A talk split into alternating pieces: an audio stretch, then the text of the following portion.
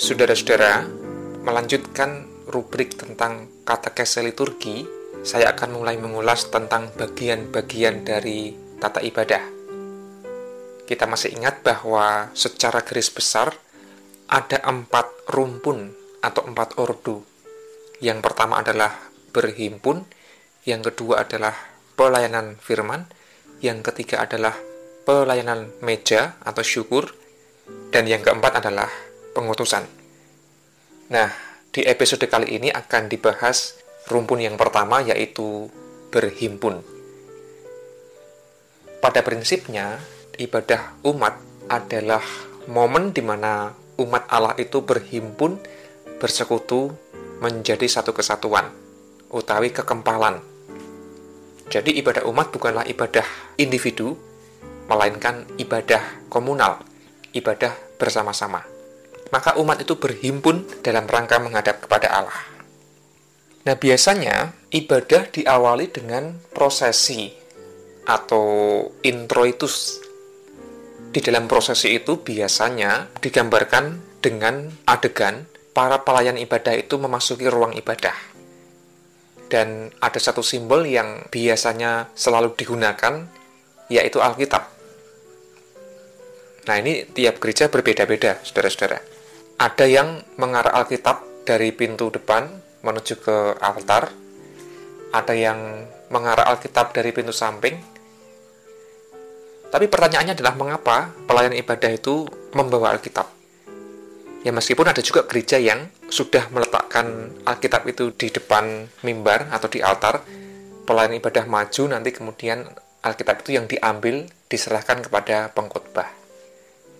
Namun biasanya yang lebih banyak terjadi itu kitab suci dibawa oleh pangrukti atau oleh imam atau oleh petugas tertentu dibawa sampai ke depan altar lalu diserahkan kepada si pengkhotbah.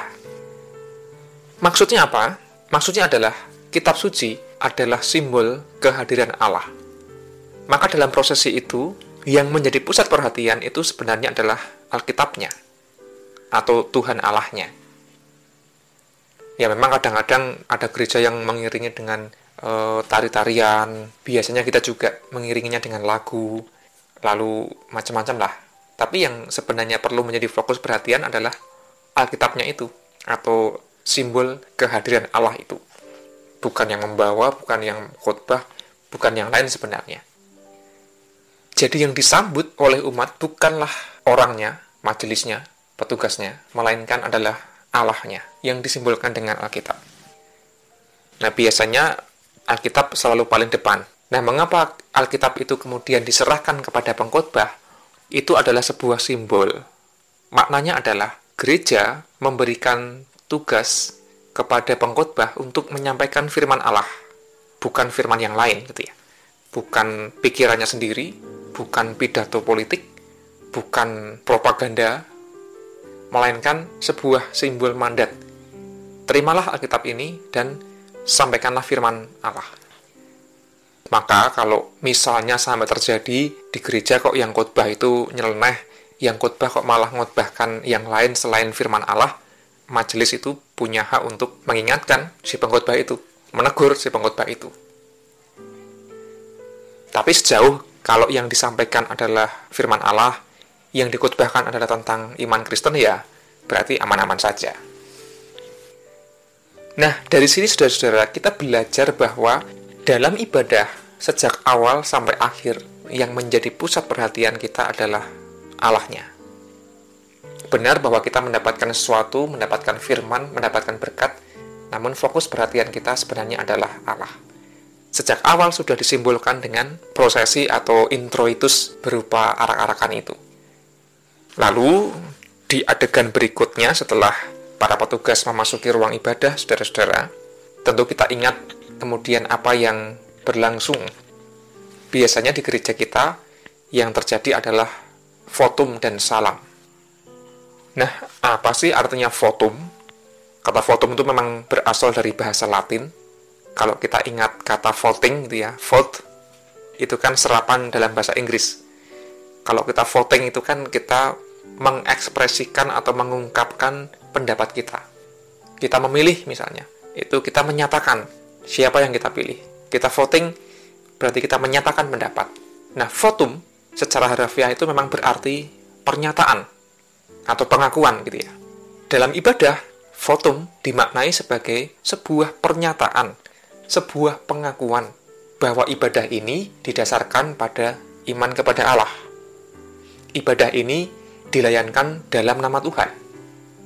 Ibadah ini bukan hanya kumpul-kumpul tanpa arti, ibadah ini bukannya idenya manusia, ibadah ini bukan hanya perkumpulan senang-senang tok, tapi ibadah ini dilayankan dalam nama Tuhan. Ada penjelasan yang beberapa kali muncul saya dengar itu, fotum itu ibarat ketok palu ketika hakim membuka sidang di pengadilan. Dok, dok, dok, sidang dibuka. Jadi fotum itu semacam itu, pernyataan, pengakuan bahwa ibadah itu dimulai. Kalau sebelumnya kita berada dalam suasana yang di luar ibadah, tapi setelah fotum kita masuk suasana ibadah. Dalam ibadah kita, fotum itu biasanya diungkapkan dengan kalimat-kalimat pengakuan. Ibadah ini dilayankan dalam nama Allah Bapa, Putra, dan Roh Kudus. Amin. Nah, kan begitu ya. Karena ini sebuah pernyataan, sebuah pengakuan, maka jemaat atau umat menyahut dengan kata amin sebagai peneguhan tentang fotum tadi itu. Kalimat lain biasanya diambil dari kitab Mazmur, pertolonganku ialah dari Tuhan Allah yang menjadikan langit dan bumi misalnya. Itu sebuah pengakuan iman.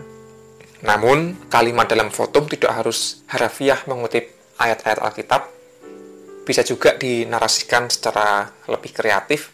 Yang penting isinya adalah pernyataan dan pengakuan. Menawi ing basa Jawi kan uh, ungelanipun pangibadah menika sinengker ing asmanipun Gusti Allah Sang Romo, Sang Putra lan Sang Roh Suci. Amin. Ini memang se sebuah persekutuan yang sinengker. Sinengker tidak harus berarti angker, khusus dan kudus tidak harus berarti sangat dingin begitu ya tapi ibadah tetap bisa ekspresif. Yang penting adalah penghayatan. Berikutnya setelah fotum itu ada salam. Nah, salam itu ada dua makna yang biasanya e, membuat kita itu bingung. Yang pertama, ada yang menganggap salam di awal ibadah itu adalah salam berkat. Kasih karunia dan damai sejahtera dari Tuhan ada pada saudara sekalian, misalnya gitu ya. Mugi rahmat lan tentang rahayu saking Gusti wonten ing panjenengan sami. Nah, biasanya juga adegannya kalau pendeta itu mengangkat satu tangan, kalau majelis atau awam yang berkhotbah itu tidak mengangkat tangan. Mengapa? Karena penghayatannya itu tadi salamnya ini salam berkat. Berarti sing oleh ngangkat tangan berkahi ku ya pendeta kan begitu. Makanya kalau majelis biasanya takut-takut untuk angkat tangan. Namun saudara-saudara, pengertian bahwa salam di awal ibadah itu adalah salam berkat itu kemudian sebenarnya bergeser ada juga pengertian yang kedua, salam di awal ibadah itu adalah salam persekutuan, bukan salam berkat. Nah, dalam konsep liturgi lima yang kemudian dikembangkan itu, lebih cenderung memaknai salam itu sebagai salam persekutuan. Maka, salam dari pelayan ibadah, dari pengkhotbah, itu kemudian dibalas oleh umat. Makanya, kiranya kasih Tuhan beserta saudara sekalian, Lalu umat menyaut atau menanggapi dengan kalimat dan besertamu juga kan begitu ya. Mugi rahmat lan tentang rahayu saking Gusti wonten ing panjenengan sami.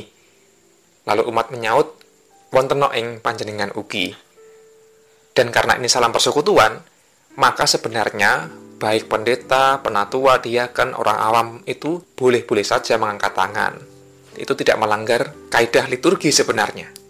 Tapi kita paham karena ada perasaan-perasaan mungkin takut atau ragu-ragu ya kemudian selain pendeta tidak mengangkat tangan. Ya nggak masalah. Salam persekutuan tidak harus dengan angkat tangan. Bisa juga dengan sikap menyembah dan sebagainya sebenarnya. Tapi yang penting adalah itu salam persekutuan dan umat kemudian membalas atau menyahutnya. Bukan salam berkat. Maka, dalam pengertian ini, ketika fotum dan salam, sebenarnya umat tidak perlu menunduk justru saling berinteraksi karena berbalasan salam. Yang kedua, karena ini adalah salam persaudaraan, salam persekutuan, bukan salam berkat, maka meskipun yang memberikan salam bukanlah berjabatan pendeta, boleh-boleh saja mengucapkan saudara gitu ya.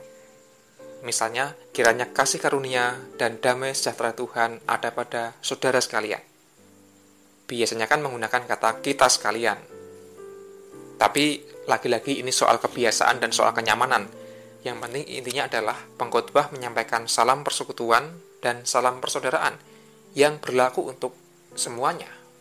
Nah, itu implikasi yang perlu kita pahami sebenarnya. Jadi, saudara-saudara, sampai adegan ini kita bisa menghayati bahwa ibadah adalah persekutuan orang-orang yang mengungkapkan imannya berpusat kepada Allah di dalam Kristus. Umat Allah itu saling berbagi salam, saling berbagi kasih dalam semangat persekutuan. Dalam persekutuan itu fokusnya adalah pada Allah. Nah, sampai di sini dulu Nanti bagian berikutnya akan diulas tentang pengakuan dosa dan berita anugerah. Karena di dalamnya juga ada makna yang menarik. Dia matur Bapak Ibu lan poros derek maniko urun rembuk bab liturgi mugi maidai tumrap kita sami. Matur nuwun.